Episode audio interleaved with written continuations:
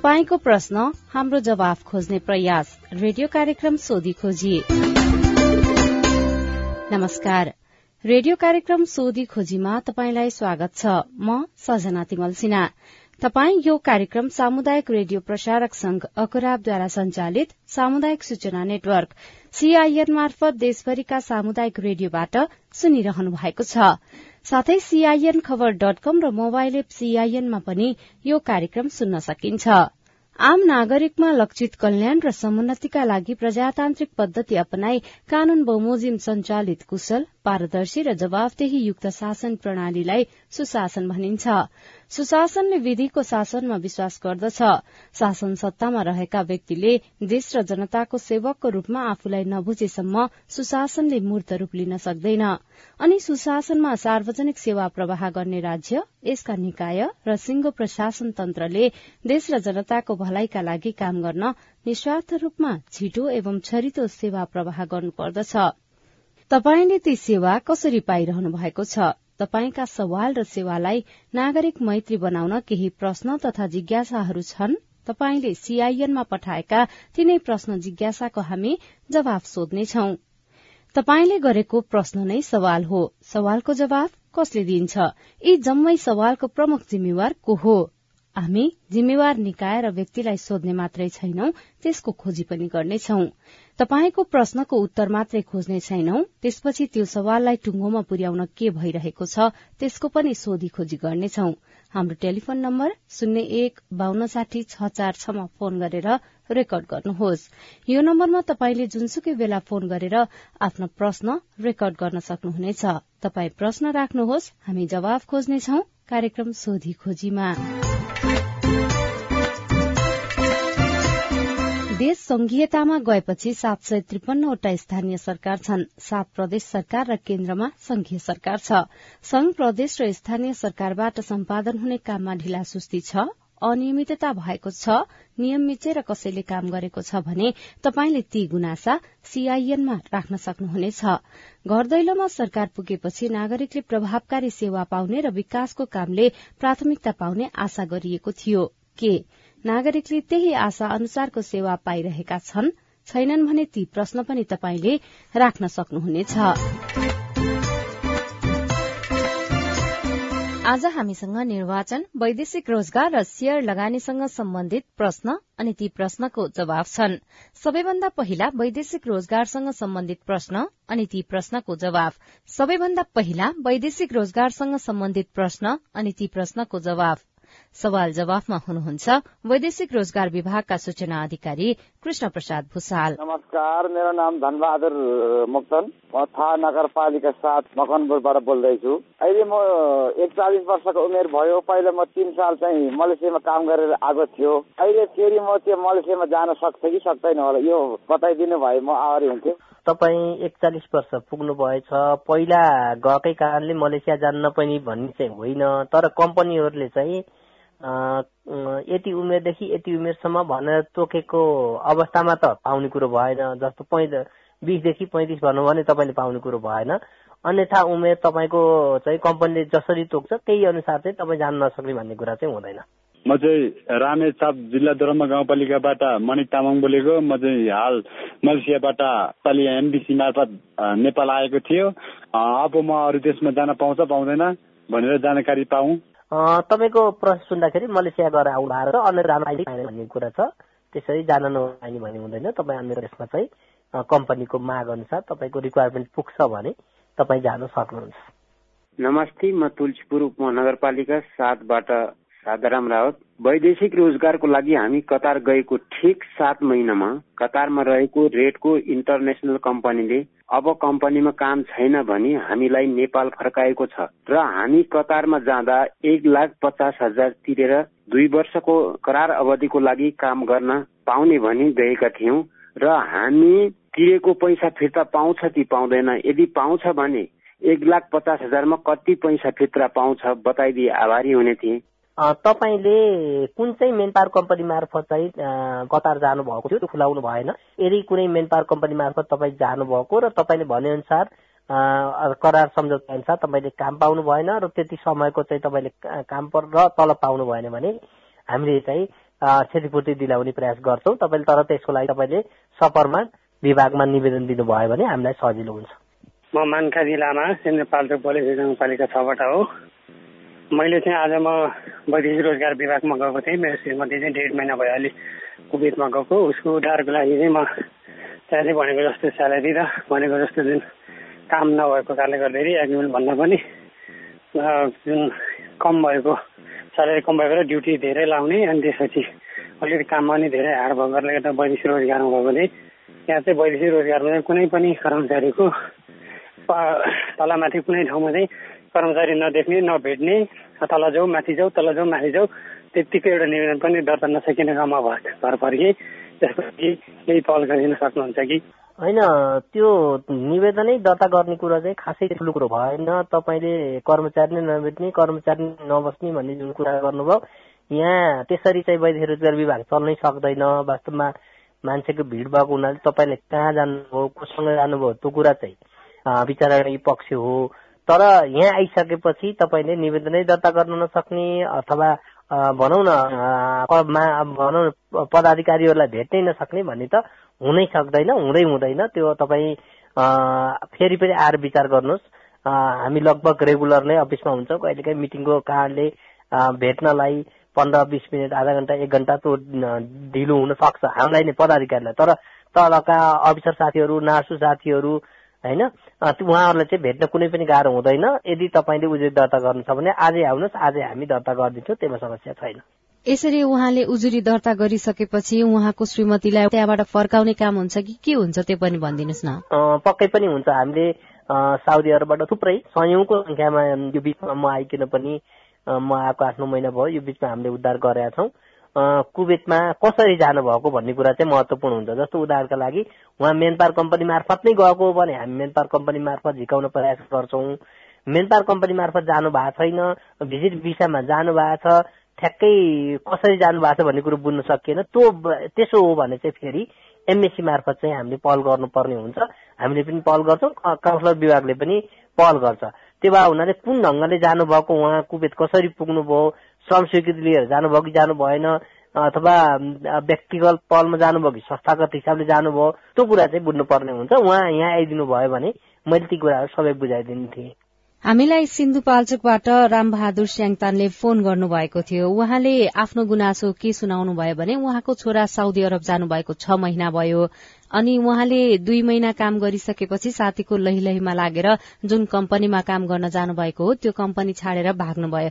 तर पछिल्लो दुई हप्ता जति भयो त्यहाँ साउदी प्रहरीले पक्राउ गरेर उहाँलाई त्यहाँ जेलमा हालेको छ। अब छोरालाई के हुन्छ कसरी उद्धार गरिन्छ अथवा के हुन्छ के गर्न सकिन्छ भनेर उहाँले जिज्ञासा राख्नु भएको छ। त्यसो हुँदाखेरि चाहिँ उहाँले यहाँ निवेदन दिनुभयो भने हामीले साउदीमा दुईटा चाहिँ निकायबाट दुईटा ठाउँबाट हेरिन्छ। एउटा चाहिँ जेद्दाबाट हेरिन्छ एउटा चाहिँ रियादबाट हेरिन्छ होइन?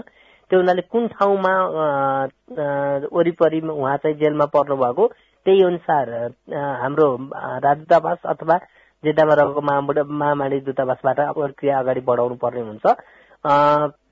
त्यो हुनाले चाहिँ उहाँले यहाँ आएर निवेदन दिनुभयो भने त्यो प्रक्रिया चाहिँ हामीले फरवार्ड गरिदिन्छौँ र त्यहाँको भनौँ न जेद्दा अथवा रियादमा रहेका हाम्रा निकायहरू मार्फत चाहिँ उहाँको खोजबिन हुन्छ र जेलमै जानु परेर त्यहाँका साथीहरू जेलमै भेट्न पनि जानुहुन्छ र त्यसपछि उहाँलाई कसरी नेपाल ल्याउने भन्ने कुरामा चाहिँ प्रक्रिया अगाडि बढ्ने हो। प्रक्रिया चाहिँ अलिक लामो हुन्छ। साउदी अरबको अलि अलि अप्ठ्यारो पनि छ। फेरि आफै भाग्नु भएको छ त्यहीमा झनै समस्या भयो होइन? तर पनि सरकारले पहल चाहिँ गर्छ। यसको लागि अब रामबहादुरजी त अहिले सिन्धुपाल्चोकमा हुनुहुन्छ। सिन्धुपाल्चोकमै रहेर निवेदन यहाँसम्म पठाउने मार्फत अगाडि बढाइदिनु भयो भने हामीले रेस्पोन्स गर्छौँ। हामीलाई खबर गर्नु पर्यो। जिल्ला प्रशासनबाट यहाँ आउनु पर्यो चिठी होइन? जिल्ला प्रशासन कार्यालयमा पनि दिन सकिन्छ। म इस्मा गाउँपालिकादेखि हो। मेरो अहिले यो पासपोर्ट बनाएको पाँच छ वर्ष भइसके अनि यो मालिका गाउँपालिकादेखि यो पासपोर्ट भिसा लगाइदिन्छु भनेर लानुभएको। उहाँले अहिले लगभग पाँच छ वर्ष भए हजुर। यसको लागि उहाँको उहाँ काठमाडौँ फेरेन्सिक मेन पावरमा दलाली काम गर्नुहुन्छ। उहाँले पासपोर्टको लागि तपाईँको यो पासपोर्ट विभिन्न कारणले गाली गर्नुहुन्छ कहिले के भन्नुहुन्छ कहिले च्यातेर फाल्दै भन्नुहुन्छ विभिन्न प्रकारको धम्कीहरू दिनुहुन्छ उहाँको लागि केही सुझावहरू केही पाइन्छ कि भनेर हजुर? पहिलो कुरो त तपाईँले त्यसरी कसैलाई अनधिकृत व्यक्तिलाई चाहिँ पासपोर्ट बुझाउनु हुँदैन। थियो आगामी दिनमा के बुझ्नु पर्यो भन्दाखेरि हामीले कसैलाई पनि त्यसरी पासपोर्ट बुझाउन मिल्दैन। हुँदैन किनकि पासपोर्ट भनेको महत्वपूर्ण डकुमेन्ट हो। त्यो कुरामा चाहिँ सचेत हुनु होला भन्ने मैले जानकारी गराउँछु।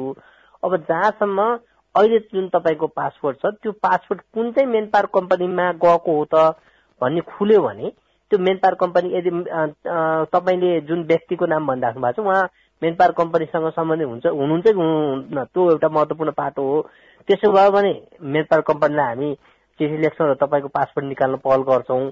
होइन व्यक्तिगत रूपमा कसैले लहर राखेको छ भने सम्बन्धित व्यक्तिलाई चाहिँ इन्क्वायरी गर्ने काम चाहिँ प्रहरी मार्फत गर्छौँ र त्यसै चाहिँ तपाईँको पासपोर्ट चाहिँ हामी दिन सक्छौँ। तर तपाईँले निवेदन चाहिँ दिनुपर्ने हुन्छ एउटा उस्तै खालको प्रश्न छ अर्को एउटा। नमस्कार सल्यान जिल्ला कुमा गाउँपालिका बडा गाउँबाट म चन्द्र बहादुर कामी। मैले गत असार महिनादेखि विदेश जान भनेर भिसा लगाएको र पच्चिस हजार रुपियाँ दलाल सूर्य बहादुर थापालाई दिएको। अहिलेसम्म पनि पठाउन नसकेको स्थितिमा अब मैले के गर्न सक्छु? न पैसा फित्रा हुन्छ हुन्छ हुन्छ भनेर झुलाइराखेका छन्। म रोजगारी गरेर खाने मान्छे न काम गर्न बाहिर जान सकेको छु न त विदेश पठाएका छन्। यस्तो अवस्थामा म के गर्न सक्छु? कृपया मेरो समस्या समाधान गरिदिए। आभारी हुने थिएँ। धन्यवाद।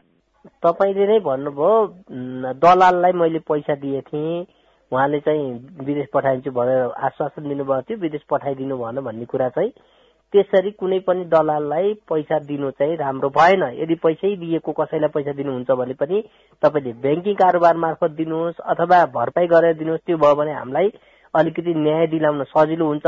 र पहिलो कुरो त सचेत हुनुपर्ने के हो भन्दा कुनै पनि व्यक्तिलाई विदेश पठाइन भन्दा पैसा दिन हुँदैन। सामान्यतया खाडी मुलुक र मलेसियामा फ्री टिकट फ्री भिसा छ। धेरै जसो कम्पनीहरूले त्यसरी पठाएछन्। अब कहिले काहीँ गुनासो आउँछ हामीलाई फ्री टिकट फ्री भिसा भए पनि यसरी पैसा लिएर गरियो भन्ने कुरा हामी कहाँ पनि नआउने होइन। तर त्यस्ता कम्पनीहरू हाम्रो निगरानीमा छ त हामीले छापा मारेर यदि भिसा लगाइसकेका छ भने त्यस्ता श्रमिकहरूलाई चाहिँ हामीले उडाउने काम पनि गरेका छौँ। तर कुनै व्यक्तिलाई तपाईँले दिँदाखेरि चाहिँ त्यो पैसाको चाहिँ रेकर्ड राख्नु भएको छ कि छैन भन्ने कुरा महत्वपूर्ण हो।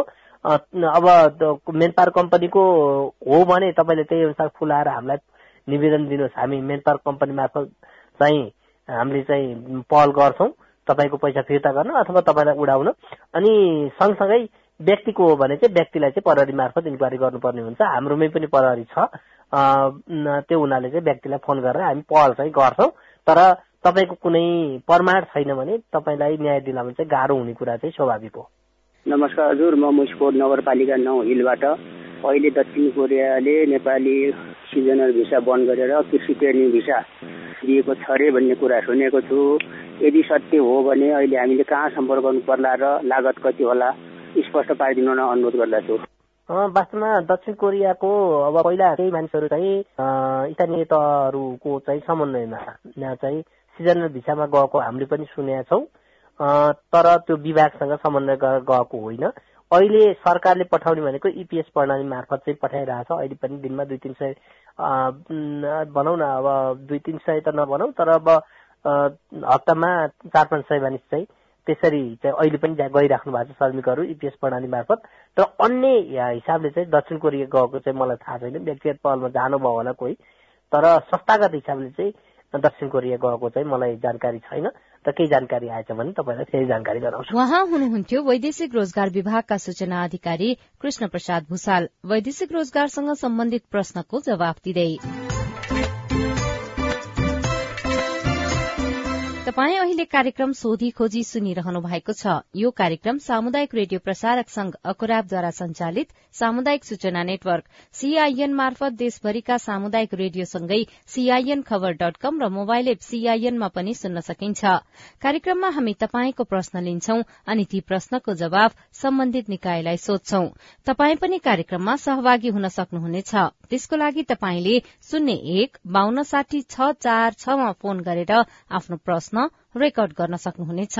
यो नम्बरमा तपाईँले जुनसुकै बेला फोन गरेर आफ्नो प्रश्न जिज्ञासा गुनासा समस्या अनि प्रतिक्रिया रेकर्ड गर्न सक्नुहुनेछ। केही बेर अघि हामीले वैदेशिक रोजगारसँग सम्बन्धित प्रश्नको जवाफ लियौं वैदेशिक रोजगार विभागका सूचना अधिकारी कृष्ण प्रसाद भूषालबाट। अब निर्वाचनसँग सम्बन्धित प्रश्न। काठमाण्डुबाट आशुतोष केसीले निर्वाचनमा कति जनशक्ति परिचालन हुँदैछ ती जनशक्तिको व्यवस्थापन कसरी हुन्छ अनि ती जनशक्तिको परिचालन कहाँ हुन्छ भनेर सोध्नु भएको छ। आशुतोषजी तपाईँको जिज्ञासा मेटाउँदै हुनुहुन्छ निर्वाचन आयोगका उपसचिव कमल गेवाली। आसन्न यही मंगिर चार गते सम्पन्न हुने प्रतिनिधि सभा सदस्य निर्वाचन र प्रदेश सभा सदस्य निर्वाचनमा सुरक्षा निकाय बाहेक निर्वाचनमा दुई लाख छ्यालिस हजार नौ सय जनशक्ति चाहिँ परिचालन हुँदैछ। यो चाहिँ हाम्रो जनशक्ति व्यवस्थापन निर्देशिकाले स्वीकृत गरे अनुसारको दरबन्दी हो र यसमा केही संख्यामा चाहिँ तलमाथि हुन सक्छ तर एक्ज्याक्ट संख्या भनेको दुई लाख छ्यालिस हजार नौ सय साठी हुन आउँछ। र हामीले जनशक्ति व्यवस्थापन गर्ने सम्बन्धमा यसलाई चार किसिमबाट हामीले सोच्नुपर्ने हुन्छ। यो जनशक्ति व्यवस्थापन चार चरणमा गरिएको छ। एउटा केन्द्रीय स्तरको जनशक्ति व्यवस्थापन भनेको निर्वाचन आयोग र सातवटा प्रदेश निर्वाचन कार्यालय अनि सत्तरीवटा जिल्ला निर्वाचन कार्यालयमा नौ सय जनशक्ति परिचालन हुन्छ। यसमा काजमा आउने जनशक्ति पनि हामीले यसमा इन्क्लुड गरेका छौं भने दोस्रो जनशक्ति कहाँ प्रयोग हुन्छ भने मुख्य निर्वाचन अधिकृतको कार्यालय र निर्वाचन अधिकृतको कार्यालयमा प्रयोग हुन्छ। त्यहाँ प्रयोग हुने जनशक्तिलाई हामीले तालिम दिएर उहाँहरूले निर्वाचन आयोगबाट स्वीकृत निर्वाचन कार्यक्रम अन्तर्गत आजसम्मका कार्यक्रमहरू सञ्चालन गरिराख्नु भएको छ। अब निर्वाचन हुन। जनशक्तिको हामीले व्यवस्थापन गर्ने भनेको अर्को चरण भनेको मतदान केन्द्रसम्म हो। र ती मतदान केन्द्रसम्म जनशक्ति व्यवस्थापन गर्ने सम्बन्धमा जनशक्ति निर्देशिकाले सम्बन्धित जिल्लाको प्रमुख जिल्ला अधिकारीको संयोजकत्वमा एउटा समिति गठन गरेको छ। त्यो समितिले निजामती त्यसमा चाहिँ संघीय निजामती सेवा पनि हुन सक्छ प्रदेशको पनि हुन सक्छ स्थानीय तहको पनि हुन सक्छ र त्यसपछि सार्वजनिक निकायमा काम गर्ने सबै कर्मचारीहरूलाई एकमुष्ट रूपमा त्यो जिल्लामा तहगत रूपमा पदीय हिसाबबाट जनशक्तिको विवरण लिएर त्यो विवरणलाई जति आवश्यक पर्छ त्यसको दस प्रतिशत संख्या थप गरेर सम्बन्धित मुख्य निर्वाचन अधिकृत कार्यालय र निर्वाचन अधिकृत कार्यालयमा पठाइन्छ। त्यो कार्य काम आज सम्पन्न भइसकेको छ। सबै जिल्लाहरूमा त्यसरी पठाइसकिएको छ भने यसरी जिल्लाबाट जिल्ला जनशक्ति व्यवस्थापन समन्वय समितिबाट प्राप्त भएको जनशक्तिको विवरणलाई मुख्य निर्वाचन अधिकृत र निर्वाचन अधिकृतले सबै त्यो जिल्लामा भएको मतदान केन्द्रगत आधारमा मतदान अधिकृत सहायक मतदान अधिकृत सहायक कर्मचारीहरूकोलाई उहाँहरूले नियुक्ति गर्नुहुन्छ। र अधिकांश जिल्लाहरूमा यो नियुक्ति गर्ने प्रक्रिया सकिसकेको छ भने अब ती जनशक्तिलाई तालिम दिएर अब सम्बन्धित मतदान केन्द्रमा पठाउने कार्य अब शुरू हुँदैछ। निर्वाचन क्षेत्रबाट मुख्य निर्वाचन अधिकृत निर्वाचन अधिकृत कार्यालयबाट मतदान केन्द्रसम्म जानुपर्ने दुर्गम र विकट जिल्लामा सात दिनसम्म पनि हिँड्नुपर्ने अवस्था छ भने हाम्रो कार्यविधिले स्वीकृत कार्यविधिले मतदान केन्द्रमा तीन दिन अगाडि पुग्नुपर्ने भनेको छ। दुर्गम जिल्लाका कर्मचारीहरू मतदान केन्द्रमा हिँड्नुपर्ने हुन्छ। उहाँहरू जाँदाखेरि त्यहाँ निर्वाचन सामग्री मतपत्र तथा मतपेटिका पनि सँगै लिएर जानुपर्ने हुन्छ। उहाँहरू त्यति बेला जाँदाखेरि सुरक्षा संयन्त्रसहित जानुहुन्छ। र अब चौथो चरणको जनशक्ति व्यवस्थापन कहाँ हुन्छ भन्दा निर्वाचन सम्पन्न भइसकेपछि। मंगिर चार गते हाम्रो मतदानको कार्य सम्पन्न हुन्छ र मतदानको कार्य पाँच बजे सम्पन्न भइसकेपछि ती मतपेटिकाहरूलाई मुख्य निर्वाचन अधिकृत कार्यालय र निर्वाचन अधिकृत कार्यालयमा ल्याउनु पर्ने हुन्छ र त्यहाँ ल्याइसकेपछि त्यहाँ मतगणनामा जनशक्तिहरू प्रयोग हुन्छ। र त्यसको पनि व्यवस्थापन भइसकेको अवस्था छ। र त्यसमा चाहिँ अहिले ती कर्मचारी मतगणनाको लागि को कर्मचारी राख्ने कसलाई व्यवस्थापन गर्ने भन्ने कुरा चाहिँ मुख्य निर्वाचन निर्वाचन अधिकृतले स्वयं व्यवस्थापन गर्नुहुन्छ। त्यसमा चाहिँ सरकारी कर्मचारीहरू अथवा सार्वजनिक निकायमा काम गर्ने जिम्मेवार कर्मचारीहरूलाई त्यहाँ खटाउने कार्य गरिएको हुन्छ। र अर्को यो निर्वाचनमा हामीलाई समानुपातिक निर्वाचन प्रणालीको सन्दर्भमा आयोगभित्रै श्रीमान सचिवको सचिवलाई मुख्य निर्वाचन अधिकृत नियुक्ति गरेर समानुपातिक निर्वाचन अधिकृतको कार्यालय यहाँ स्थापना भएको छ। यो समानुपातिक निर्वाचन अधिकृतको कार्यालयमा पनि छ्यालिसजना कर्मचारीको दरबन्दी स्वीकृत भएको छ। यसरी देशभरि सुरक्षा निकाय बाहेक त्यसमा चाहिँ सूर्य म्यादी प्रहरी भयो नेपाल प्रहरी सशस्त्र प्रहरी बल र नेपाली सेना बाहेक निजामती अथवा सिभिल सेक्टरबाट दुई लाख छ्यालिस हजार नौ सय साठी कर्मचारीहरू परिचालन हुन्छन्। र यी यसरी परिचालन हुने कर्मचारीहरूको सेवा सुविधाको सन्दर्भमा आर्थिक व्यवस्थापन कार्यविधिले व्यवस्थापन गरेको छ भने हामीले यसमा चाहिँ सामूहिक दुर्घटना बिमा पनि गरेका छौं र सामूहिक दुर्घटना बिमा बीस लाखको छ र यसमा कुनै दुर्घटना भयो अथवा कुनै औषधि उपचार गर्नुपर्ने भयो अथवा त्यसमा चाहिँ असामयिक निधन भयो भने बीस लाखसम्म सम्म चाहिँ क्षतिपूर्ति दिने गरी हामीले व्यवस्थापन गरेका छौं र यसको व्यवस्थापनमा दुई लाख छ्यालिस हजार नौ सय साठी कर्मचारीहरू परिचालन हुन्छन् र यसरी समग्र एउटा चार चरणमा र समानुपातिक निर्वाचन प्रणालीको कुरा गर्ने हो भने पाँच चरणमा जनशक्तिलाई व्यवस्थापन गर्ने गरी आयोगले प्रबन्ध मिलाएको छ र त्यही हिसाबले चाहिँ स्वीकृत आयोगबाट स्वीकृत भएको निर्वाचन कार्यक्रम निर्वाचन कार्यतालिका अनुसार आजका दिनसम्म चाहिँ यो काम सुचारू रूपमा अघि बढेको बेहोरा म जानकारी गराउँछु। निर्वाचनका लागि आवश्यक सामग्री खरिद कसरी गरिन्छ अनि सतहत्तरवटै जिल्लामा ती सामग्री कसरी पठाइन्छ भनेर रूपेश पाटकीले रुकुमबाट सोध्नु भएको छ। यसको पनि जवाफ दिँदै हुनुहुन्छ निर्वाचन आयोगका उपसचिव गेवाली। निर्वाचन आयोगले निर्वाचनको लागि आवश्यक पर्ने निर्वाचन सामग्रीहरूलाई दुई प्रकारले वर्गीकरण गरेको छ। एउटा केन्द्रबाट खरिद गर्ने अर्को जिल्लाबाट खरिद गर्ने। जिल्लाबाट खरिद गर्ने सम्बन्धमा हाम्रो सातवटा प्रदेश निर्वाचन कार्यालय र सत्तरीवटा जिल्ला निर्वाचन कार्यालयबाट पन्ध्र प्रकारका सामग्री खरिद गरिसकिएको छ। त्यस्तै गरी हामीलाई छपाई सामग्री पनि हामीले जिल्ला स्थित रूपमा गर्दाखेरि अन्ठानब्बे प्रकारका छपाई सामग्रीहरू पनि जिल्लामै छपाई भइसकेको छ। ती सामग्रीहरू जिल्लामै भएको हुनाले त्यसलाई पुर्याउने समस्या रहेन। र निर्वाचन आयोगले एकीकृत रूपमा केन्द्रीकृत रूपमा खरिद गरेका सामग्री भनेको अन्ठाउन्न प्रकारका सामग्री हो। ती अन्ठाउन्न प्रकारका सामग्रीहरू मध्ये सबै सामग्रीहरूलाई हामीले सार्वजनिक खरिद अनुगमन कार्यालयले सञ्चालन गरेको ई बिट ई पोर्टलबाट हामीले त्यही खुला प्रतिस्पर्धाबाट ती सबै सामग्रीहरू हामीले खरिद गरेर आयोग परिसरमा ल्याएर हामीले त्यसलाई अनबन्डलिङ गर्यौं। अर्थात हामी हाम्रो चाहिँ सातवटा प्रदेश निर्वाचन कार्यालय र सत्तरीवटा जिल्ला निर्वाचन कार्यालयहरू रहेकोमा ती जिल्ला निर्वाचन कार्य ती जिल्लाहरूमा भएका मतदान केन्द्रको आधारमा दरबन्दी निर्धारण गरिएको थियो र त्यही अनुसार ती सबै सामग्रीहरूलाई हामीले अनबन्डलिङ गरेर जिल्लागत रूपमा गरेर हामीले दुई चरण र तीन चरणमा कुनै कुनै ठूला ठूला जिल्लामा तीन चरणमा समेत हाम्रो सामग्री पुगेको छ र ती सबै जिल्लामा सामग्री पुगेको अवस्था छ। र सामग्री पठाउने सन्दर्भमा हामीले दुईटा कुरालाई ख्याल गर्नुपर्ने हुन्छ र अहिले सड़ककै पहुँच नभएको भनेको चाहिँ नेपालको एउटा जिल्ला छ हुम्ला जिल्ला। र अहिले बीचमा बेमौसमी वर्षाको कारणले गर्दा केही जिल्लाहरूको सड़क सम्पर्क टुट्यो। ती जिल्लाहरूको सन्दर्भमा हामीले निर्वाचन सामग्री तीनवटा जिल्लामा हुम्ला जिल्ला अनि त्यसपछि बाजुरा र डोल्पा। डोल्पामा हामीले त्यो सामग्री अब सुर्खेत पुऱ्यायौं। सुर्खेतबाट हामीले एयरलिफ्ट गरेर हेलिकप्टर आर्मीको हेलिकप्टर प्रयोग गरेर हामीले ती जिल्लाहरूमा हामीले सामग्री पुऱ्यायौं। र अहिलेको हिसाबले हेर्दाखेरि सतहत्तरैवटा जिल्लामा निर्वाचन सामग्री पुगेर हाम्रा जिल्ला निर्वाचन कार्यालयहरूले त्यहाँ मतदान केन्द्रगत आधारमा ती निर्वाचन सामग्रीलाई पोको पारेर र ती सबै सामग्रीहरू अहिले पोको पार्ने चरणमा पुगेको छ भने केही जिल्लाहरूको हकमा चाहिँ ती सामग्रीहरू मुख्य निर्वाचन अधिकृत निर्वाचन अधिकृत कार्यालयमा पुगिसकेको अवस्था छ। के निर्देशन जारी गरेका छौं भने मतदान हुनुभन्दा तीन दिन अगाडि ती निर्वाचन सामग्री सहित जनशक्ति सम्बन्धित मतदान केन्द्रमा पुग्नुपर्ने हुन्छ मतदान अधिकृत सहित र कतिपय जिल्लाहरूमा ती मतदान केन्द्रमा पुग्नको निम्ति सात दिनसम्म हिँडेर जानुपर्ने अवस्था पनि छ। त्यो हिसाबले हामीले निर्वाचन सामग्रीको ढुवानी गर्ने सन्दर्भमा अति दुर्गम र विकट जिल्लाहरू जसलाई हामीले यहाँ वर्गीकरण गरेका छौं तिनीहरूलाई पहिलो चरणमा निर्वाचन सामग्री ढुवानी गर्यौं। र दोस्रो चरणमा पहाड़ी जिल्लाहरू जहाँ चाहिँ त्यसलाई अति दुर्गम त भन्न मिल्दैन तर के भने सड़कको पहुँच पुगेको छ। ती जिल्लाहरूले दोस्रो चरणमा गर्यौं भने तेस्रो चरणमा तराई र काठमाडौँ भेलीका आसपासका जिल्लाहरू र यसलाई चाहिँ अलिक स्पष्ट भाषामा भन्दा दुई नम्बर प्रदेश र बागमती प्रदेशका सुगमका जिल्लाहरू। बागमती प्रदेशमा पनि फेरि गोर्खा र धादिङ भनेको कतिपय ठाउँमा अत्यन्त दुर्गम र विकट ठाउँहरू पनि छन् तर तिनीहरूलाई हामीले पहिलो चरणमा पठायौं। त्यसले गर्दाखेरि हामीले निर्वाचन सामग्री ढुवानी गर्दाखेरि तीन चरण अति दुर्गम र हिमाली जिल्लामा पहिलो चरण र पहाड़ी जिल्लामा दोस्रो चरण र बागमती प्रदेश र तराईका प्रदेशहरूमा तेस्रो चरणमा गरेर अहिले निर्वाचन सामग्री सबै ढुवानी गरेर पुर्याइसकिएको छ। र कतिपय जिल्लाहरूमा केही सामग्री छुटफुट भएको रहेछ भने सामग्रीहरूलाई हामीले अहिले पनि जिल्लाबाट हामीले अपडेट लिएर ती सामग्रीहरू पठाइराखेका छौं। र अब एक सय पैंसठी स्थानमै हाम्रा सतहत्तर जिल्ला निर्वाचन कार्यालयहरूले ती सामग्रीहरू त्यहाँ पुर्याउँछन्। र हाम्रो मुख्य निर्वाचन अधिकृत र निर्वाचन अधिकृतले ती सामग्रीहरू मतदान अधिकृतलाई बुझाउनुहुन्छ।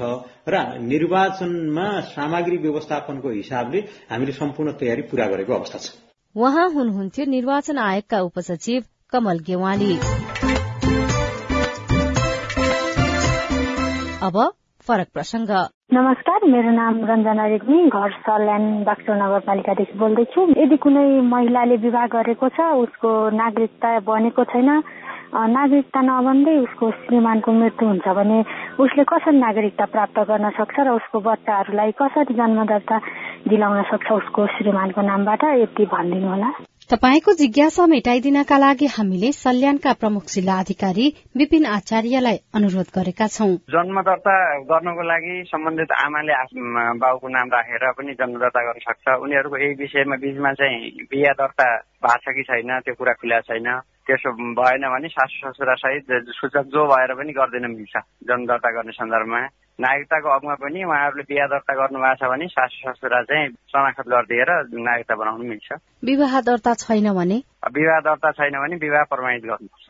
त्यो सम्बन्धित स्थानीय तहमै गर्छन् त्यस पछाडि भन्छ